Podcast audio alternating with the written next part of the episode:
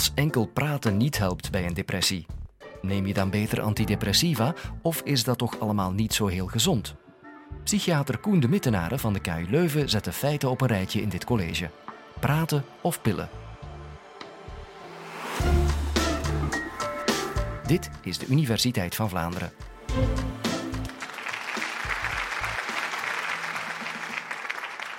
De vraag waarop ik normaliter een antwoord moet geven is wat helpt nu het best uh, bij depressie? Is het praten, psychotherapie of is het pillen, antidepressiva?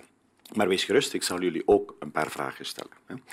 Het eerste waar we natuurlijk moeten van uitgaan als we zeggen behandelen van depressie is natuurlijk wat is een depressie? Want al te vaak, denk ik, in onze tijd wordt verdriet of zeg wat depri voelen al als een ziektebeeld beschouwd, terwijl dat eigenlijk bij het leven hoort. En dat verdriet en eens een dipje hebben eigenlijk gezond zijn, normaal zijn. Het is misschien veel erger als je nooit een dipje hebt of nooit triestig bent of nooit angstig bent dan dat je soms wel eens hebt. Maar als het te veel is en te lang duurt, dan is het natuurlijk wel ernstig te nemen en dan is er best een behandeling. Maar misschien moet ik dus eerst uitleggen wat wij als artsen, als psychiaters, uh, beschouwen als een depressie. Daar hebben wij criteria voor. Uh, criteria, um, klassiek zeggen we, je moet vijf van negen belangrijke symptomen hebben gedurende een bepaalde periode. We spreken meestal van een paar weken, maar bij de meeste mensen die komen raadplegen is dat een aantal maanden.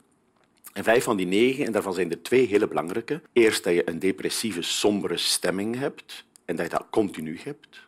En het tweede, minstens even belangrijk, is dat je ook een verlies hebt van alle interesse en van alle plezier aan de activiteiten waar je gewoonlijk plezier aan hebt. En er komen er nog een aantal andere criteria bij. Dat gaat ook je slaap verstoren, dat gaat je eetlust verstoren. Dat gaat maken dat je wat trager bent of dat je geagiteerd bent. Dat gaat je moe maken, dat gaat maken dat je minder goed kunt concentreren, dat je minder, het gevoel hebt dat je geheugen minder goed gaat. Schuldgevoelens, zich waardeloos voelen, dat hoort er vaak ook bij. En bij een aantal mensen zijn er ook zwarte gedachten, suïcidale gedachten. Dus als je vijf van de negen hebt die ik nu verteld heb, ja, dan is het wat wij beschouwen als een depressie en dan is het ook maar best van dat te behandelen.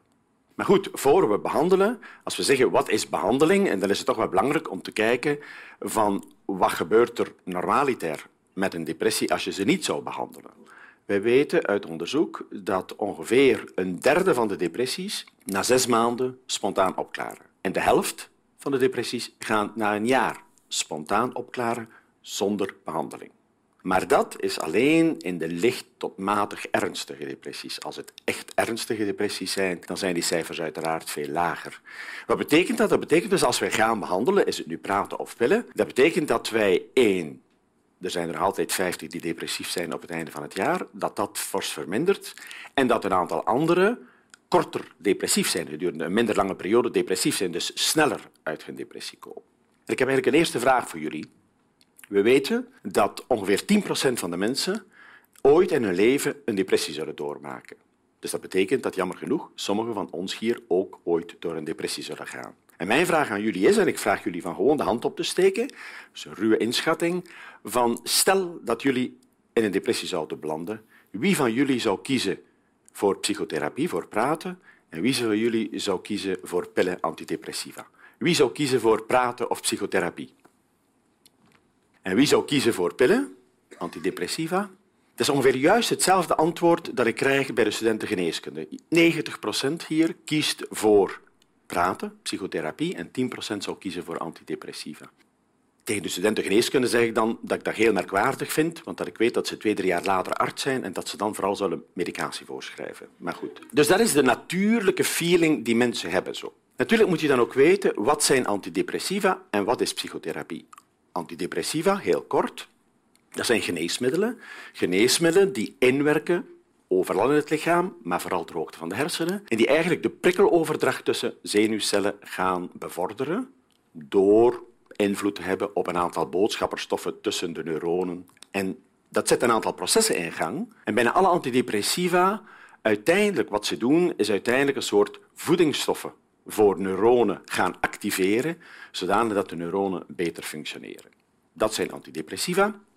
Wat is psychotherapie? Ja, dan moeten mensen niet afkomen met denken psychotherapie. Mensen hebben daar ook rare ideeën over. Uh, als ik dat vraag aan de studenten, dan zeggen ze ja, dat is een beetje babbeltherapie. Nu, degene die zoiets zegt op het examen, die weet al zeker dat hij mag terugkomen. Ja? Babbeltherapie. Hè? Precies alsof dat niets anders zou zijn dan gewoon je rugzak wat leegmaken of een goed luisterend oor hebben. Dat is niet psychotherapie. Psychotherapie is eigenlijk een meer gestructureerde, een op wetenschappelijke theorie gebaseerde manier van luisteren, praten en interageren. Dat is heel belangrijk waarbij uiteindelijk de therapeutische relatie, wat gebeurt tussen de cliënt of patiënt en de therapeut, psychiater, psycholoog, met een therapeutische vorming, een soort beschermd labo is van het echte leven, waar een aantal dingen die ook in het echte leven gebeuren, ja, zich ook makkelijk gaan afspelen. Waar we focussen op gevoelens, gedachten, gedragingen en relaties. Voor sommige vormen van psychotherapie gaan we dat doen via een omweg van het verleden en andere gaan meer hier en nu gaan werken met een focus op de innerlijke wereld, wat je zelf, binnen jezelf denkt, voelt en in je interactie met de anderen. Dat is wat we als psychotherapie beschouwen. Goed, nu ik die twee geschetst heb en gezegd van er is al een spontane evolutie van verbetering, en dan gaan we behandelen. Behandelen met psychotherapie of antidepressiva. De vraag is nu, wat zou nu het best werken? Eerst en vooral moeten we kijken naar op korte termijn. Wat zijn de resultaten op korte termijn? Wel, op korte termijn als we spreken over licht tot matig ernstige depressie, dan is het zo dat antidepressiva ietsje sneller dan psychotherapie een aantal aspecten van de depressie zullen verbeteren, zoals interesseverlies, ontmoediging of de depressieve stemming. Dat zal iets sneller verbeteren met antidepressiva dan met psychotherapie. Maar als je de studies bekijkt, dan zie je dat na twaalf weken behandeling er geen enkel verschil meer is. Beide zijn elkaar waard. Belangrijk is dat alle studies ongeveer aantonen dat de twee samen een veel beter resultaat geven dan het ene of het andere. Dus de combinatie van beide, antidepressiva en psychotherapie, geven beduidend betere resultaten op korte termijn. Men heeft dat aangetoond door bijvoorbeeld psychotherapie te vergelijken met psychotherapie plus medicatie, en dat was duidelijk beter, of medicatie vergelijken met medicatie plus psychotherapie, en dat was duidelijk beter. Maar het is belangrijk om te weten dat ook bewezen is dat geen enkele vorm van psychotherapie beter is dan de andere en dat geen enkel antidepressivum beter is dan een ander. Ja? Ze zijn vergelijkbaar, wat niet wil zeggen dat ze bij iedereen even goed zullen werken. Ik bedoel, dat is dan juist de match vinden tussen dat antidepressivum en dat symptomencomplex bij deze depressieve patiënt of deze vorm van psychotherapie of een andere vorm van psychotherapie bij deze patiënt. Dat is een beetje wat we daarover moeten weten. Dat is de korte termijn. Zoals ik zei dus, werken die twee complementair en versterken mekaars effect. En daar zijn niet alleen psychologische redenen voor, er zijn ook neurobiologische redenen voor. Als we gaan kijken ter hoogte van de hersenen, dan is een klassiek gegeven, er zijn vele gegevens, maar laten we alleen de belangrijkste gegevens eruit nemen. Dat is eigenlijk een belangrijk gegeven. Bij depressie vinden wij altijd dat er een verminderde werking is van een bepaalde hersenzone, die wij de prefrontale cortex noemen, en een verhoogde werking van de amygdala, een beetje de zetel van emotie, van ons emotioneel leven. Wel, interessant is dat psychotherapie en antidepressiva eigenlijk juist op een omgekeerde manier daarop inwerken. Die twee zones zijn goed met elkaar verbonden. Psychotherapie, cognitieve therapie bijvoorbeeld, wat zal die doen? Die zal eerst een activatie geven van uw prefrontale cortex die te weinig werkte, laten we zeggen. Dat zal dat verbeteren en onrechtstreeks zal dat dan leiden tot een vermindering van de werking van de amygdala.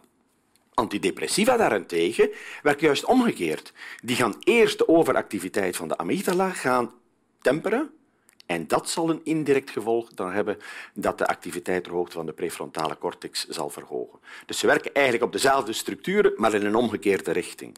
Het complete effect is, de twee samen, is beter eh, dan elk van hen apart. Maar goed, dit is gewoon het ene met het andere vergelijken.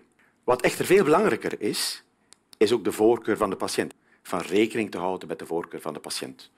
Een experiment, een experiment dat men gedaan heeft, wat we hier hadden kunnen doen, maar dat waren met mensen die aan depressie leden. En men vroeg dus van wie zou kiezen voor psychotherapie, wie zou kiezen voor antidepressiva, of wie heeft geen voorkeur. Want dat had ik jullie niet gevraagd, wie heeft er geen voorkeur tussen de twee. En wat men gevonden heeft in dat onderzoek is dat achteraf werden die dus ofwel in de arm van psychotherapie gezet, ofwel in de arm van antidepressiva. Wat vond het onderzoek, en er zijn talrijke andere onderzoeken die hetzelfde aantonen, dat diegenen die geen voorkeur hadden, zoals je daar ziet, eh, de gele of de blauwe lijn, geen voorkeur hadden of gematcht waren, gematcht wil dan zeggen ze kozen voor psychotherapie en ze kregen psychotherapie, of ze kozen voor antidepressiva en ze kregen antidepressiva, die doen het beduidend beter dan de rode lijn, En de rode lijn, dat zijn die mensen waar het er een mismatch was. Die psychotherapie verkozen, maar toevallig in de arm van de antidepressiva terechtkwamen, of antidepressiva kozen en toevallig in de arm van de psychotherapie terechtkwamen. Dus met andere woorden, je kan vergelijken psychotherapie of farmacotherapie, antidepressiva, pillen of praten, maar je kan ook rekening houden met de voorkeur van de patiënt. Een ander voorbeeld, hoe belangrijk het aanvoelen van de patiënt is in de keuze van de behandeling, is dat we gaan kijken zijn in een ander onderzoek. En men vroeg dus, als de mensen begonnen met de medicatie nemen, ben je eerder positief, een eerder positief verwachtingspatroon, een eerder neutraal verwachtingspatroon of een eerder negatief verwachtingspatroon van die medicatie. Binnen de groep van de mensen die aanvaarden om die medicatie te nemen. Wel, wat zie je?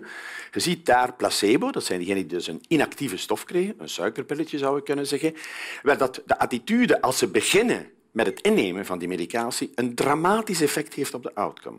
Ja? Tussen de 34 en de 56 procent. Uh, diegenen die heel veel verwachten en, en een positief verwachtingspatroon hebben, doen het veel beter dan diegenen die een negatief verwachtingspatroon hebben. En idem dito voor de medicatie. Diegenen die een echt antidepressivum kregen, tussen de 51 en de 69 procent. Je ziet, het antidepressivum doet het altijd beter dan het suikerpilletje, maar heel erg uw verwachtingspatroon heeft een enorme impact op dat gebeuren.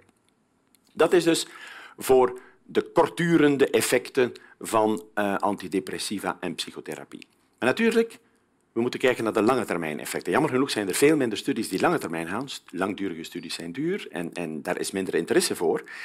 Wat is het effect als je nu pillen of praten op lange termijn bekijkt? Wel, heel veel studies tonen aan dat eigenlijk psychotherapie daar duidelijk een voordeel heeft. Ja? Bijna alle studies tonen aan dat psychotherapie op lange termijn, als je een jaar, anderhalf jaar later gaat kijken, dat je daar een beduidend voordeel hebt van psychotherapie.